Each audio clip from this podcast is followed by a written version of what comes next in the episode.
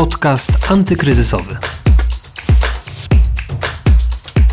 Justyna Smolińska, dzień dobry, witam Was i zapraszam na kolejny odcinek podcastu antykryzysowego. Dziś porozmawiamy o gastronomii, bo gastronomia jest jedną z branż, które w czasie pandemii ucierpiały najbardziej. Restauracje i kawiarnie znowu są zamknięte i mogą serwować posiłki jedynie na wynos, a to już drugi lockdown dla tej branży. Dziś porozmawiamy sobie o tym, jak ona sobie radzi, jak radzą sobie właściciele restauracji i kawiarni w tym czasie i czy ten drugi lockdown jest równie dotkliwy jak pierwszy. A naszym gościem dziś jest Mariusz Melcer, prezes i szef kuchni warszawskiej restauracji Sakana Sushi and Sticks Wilanów. Posłuchajcie tej rozmowy. No, drugi lockdown to daleko idące wnioski. Możemy najpierw parę słów o pierwszym lockdownie, który był bardziej spektakularny. Jeżeli chodzi o e, sytuację pierwszego lockdownu, no to straty były olbrzymie, mianowicie spadek jakby obrotów był w skali około 90%. I nie byliśmy kompletnie na to przygotowani. Uderzyło to w naszą restaurację z nienacka, jak myślę, że w cały sektor gastronomii. Tym bardziej, że nie było żadnego uprzedzenia wcześniej o tym, więc nie można było się tego przygotować, jeżeli chodzi o zatowarowanie, o straty związane z produktem. I była to dosyć trudna sytuacja, tym bardziej dla świeżej restauracji, która otworzyła się 16 października zeszłego roku, co powoduje, że tak naprawdę jeszcze nie mieliśmy tej bazy klientów cateringowych, tylko gości, którzy przychodzili do restauracji i jedli na miejscu. Zresztą e, patrząc na jakby model biznesowy naszej restauracji, to jedzenie na miejscu jest zupełnie innym doznaniem kulinarnym niż dostawa cateringowa. Oczywiście mamy ją ale to nie jest nasz jakby główny punkt programu i coś, co lubimy robić najbardziej. A jak teraz, ten drugi lockdown? Czy po tym pierwszym lockdownie już byliście trochę przygotowani na to, czego się spodziewać? Jak sobie teraz znaczy, radzicie? No, zdecydowanie podczas drugiego lockdownu jest dużo lepiej, ponieważ e, wykonaliśmy olbrzymią pracę podczas pierwszego zamknięcia, inwestując bardzo mocno w reklamę, marketing, żeby pozyskać jak najwięcej ilość osób na te cateringi. Dodatkowo też sami goście przyzwyczaili się do zamawiania jedzenia online albo odbierania ich osobiście w restauracji, więc ta powiedzmy druga fala jest dużo lepsza i mhm. bardziej łaskawa dla naszej restauracji. Co robicie teraz? Czy wprowadzacie jakieś dodatkowe rozwiązania, dodatkowe promocje? Coś, co może Wam pomóc poradzić sobie w tym czasie? Jak się przygotowaliście może do tego drugiego lockdownu po prostu? Na przygotowania to było mało czasu, więc e, działamy jak działaliśmy. Jeżeli chodzi o to, co robimy, to inwestujemy w marketing, czyli dalej próbujemy pozyskiwać gości, żeby jak największa grupa e, ludzi dowiedziała się o naszej restauracji, która, tak jak mówiłem, jest dosyć świeża na rynku. No i tak naprawdę zmieniliśmy, jakby zmodyfikowaliśmy system pracy naszej restauracji, żeby zmaksymalizować wydajność e, względem wynosów oraz zwiększyć zadowolenie naszych gości z jedzenia, które im dostarczymy. Jeżeli e, chodzi o jakieś emocje, to Aktualnie nie wchodzimy w takie tematy. My pracujemy na bardzo wysokim foodkoście, na bardzo wysokiej jakości produktów i uważam, że ogólnie takie promocje na dłuższą metę mogą być niekorzystne dla restauracji, bo często powodują jakby obniżenie jakości, na co my osobiście nie możemy sobie pozwolić. Jak dużym obciążeniem dla Was jest to ponowne zamknięcie lokali? Bo mówiłeś o tym, że ten pierwszy lockdown spowodował to, że mieliście gigantyczny spadek obrotów, a jak jest teraz? Czy możecie powiedzieć, że jest tak samo jak było przy pierwszym lockdownie? Lockdownie jest tak samo źle,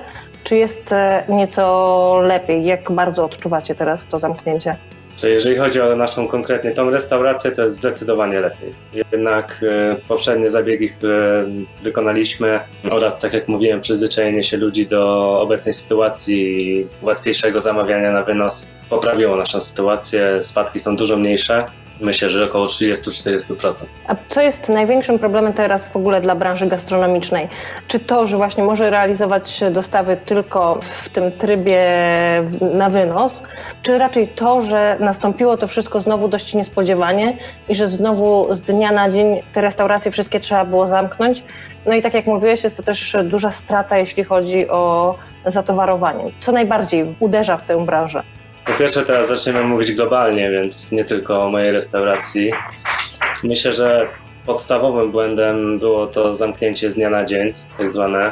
Wszyscy mówili, że będą jakieś zamknięcia, ale nikt nie wiedział kto, kiedy i jak, więc myślę, że właśnie te straty w towarze, brak możliwości przygotowania się, jeżeli chodzi o restauracje, które wcześniej nie pracowały na wynosach, to myślę, że one są w najgorszych sytuacjach, albo jeżeli prowadzą kuchnię, która nie do końca nadaje się na wynosy, to myślę, że to są miejsca, które najbardziej odczują całą tą sytuację. Na szczęście, y, jeżeli chodzi o sushi, no to to jest kuchnia, która dosyć dobrze funkcjonuje y, w formie cateringowej. Dodatkowo warto też zwrócić uwagę na to, że sushi też jest jedzeniem, które ciężko zrobić w domu. Dlatego jeżeli mamy ochotę na sushi, zazwyczaj je zamawiamy. Oczywiście niektórzy robią i szanuję, ale mimo wszystko jest to jedzenie, które łatwiej zamówić niż zrobić i myślę, że dlatego wszystkie kuchnie tego typu będą miały dużo łatwiej w tym okresie. A drugim sektorem jakby gastronomicznym, który myślę, że też dobrze sobie radzi w tych czasach, to są restauracje serwujące obiady domowe w rozsądnych cenach. Bo ludziom e, nie zawsze chce się gotować, w szczególności jak są dzieci w domu. I Co na pewno słyszymy? im- Tak, tak. Też korzystam. Wspieramy gastronomię. Czy taka restauracja jak wasza, czyli serwująca sushi, poradzi sobie lepiej niż reszta branży? Czy to jest kwestia też właśnie bardziej podejścia do tego, co można zmienić, czy podejścia do tego, jak się trochę przebranżowić, przekwalifikować, jak sobie to wszystko poustawiać, żeby to dobrze działało? Czy to tylko właśnie kwestia produktu, który się sprzedaje? Co jest decydujące w tym, że dana restauracja radzi sobie lepiej niż inne? Wydaje mi się, że przede wszystkim trzeba też uzmysłowić sobie, że teraz e, w tej branży bardzo dużo restauracji się zamyka i jest to często spowodowane złym zarządzaniem już wcześniej. I w momencie takiego dużego kryzysu, jeżeli ktoś miał jakieś braki w, w jakimś sektorze swojej restauracji, gdzie były straty i było to źle kierowane, to na pewno teraz właśnie ci restauratorzy mają najgorzej i prawdopodobnie oni się zamykają. A czy branża gastronomiczna potrzebuje jakiegoś wsparcia, dopłat, dotacji takich państwowych, czegoś, co mogłoby tym restauracjom pomóc przetrwać ten czas? Myślę, że zdecydowanie tak. Niestety, z mojego punktu widzenia, firmy, które zostały otwarte pod koniec zeszłego roku, e, zostały kiepsko potraktowane przez tarczę. Można powiedzieć, że byliśmy nieuwzględnieni, bo jeżeli ktoś otwiera biznes e, w październiku, tak jak my, to rok później, w tym samym czasie, siłą rzeczy taka restauracja przynosi dużo większe przychody i nawet pandemia nie zminimalizuje tych przychodów do takiego stopnia, żeby można było uzyskać tarczę, czyli tak jak moja restauracja nie dostała ani pierwszej tarczy, ani drugiej tarczy też nie dostanie. Więc uważam, że tak, tarcza jest potrzebna, głównie po to, żeby utrzymać ludzi w pracy, żeby dać im tą pracę i żeby mieli co robić po, po zakończeniu pandemii. No ale tak jak mówię, no nie wszyscy na nią mogą liczyć niestety. Co jest największym obciążeniem, jeśli chodzi o branżę gastronomiczną od strony kosztowej?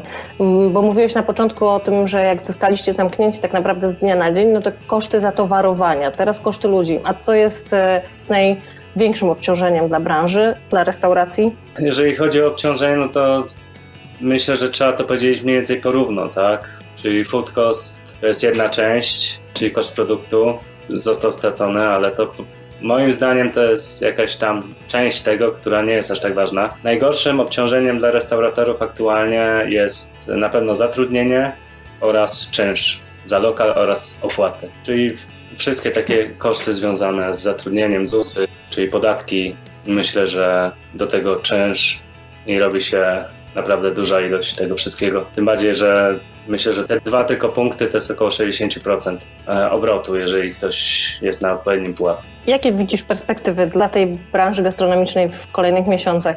Jak długo ona sobie poradzi przy takim lockdownie, jak jest teraz? No wszystko zależy od e, gospodarowania restauracją przez właściciela oraz tego, jak sobie radzi.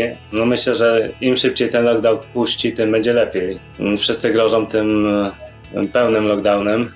Nie wiem, co to ma znaczyć, czy wtedy będziemy mogli robić e, dalej cateringi, czy nie. Myślę, że jeżeli nie będzie można robić jedzenia na wynos, to wtedy duża część restauracji, kolejna część restauracji się pozamyka. Dziękuję bardzo za rozmowę. Naszym gościem był Mariusz Melcer, prezes i szef kuchni w restauracji Sakana Sushi and Sticks w Wilanów. Bardzo dziękuję. Dziękuję również. Wspierajcie gastro, zamawiajcie jedzenie do domu. Pozdrawiam. To już wszystko w dzisiejszym podcaście. Wszystkie odcinki podcastu antykryzysowego znajdziecie na stronie pp.pl ukośnik antykryzysowy i w aplikacjach podcastowych, w tym na Spotify i Apple Podcast. A jeśli jednak wolicie rozmowy w wersji wideo, to wszystkie odcinki znajdziecie na stronie bankier.pl. Serdecznie Was zapraszam do słuchania i oglądania. Justyna Smolińska, do usłyszenia. Podcast antykryzysowy.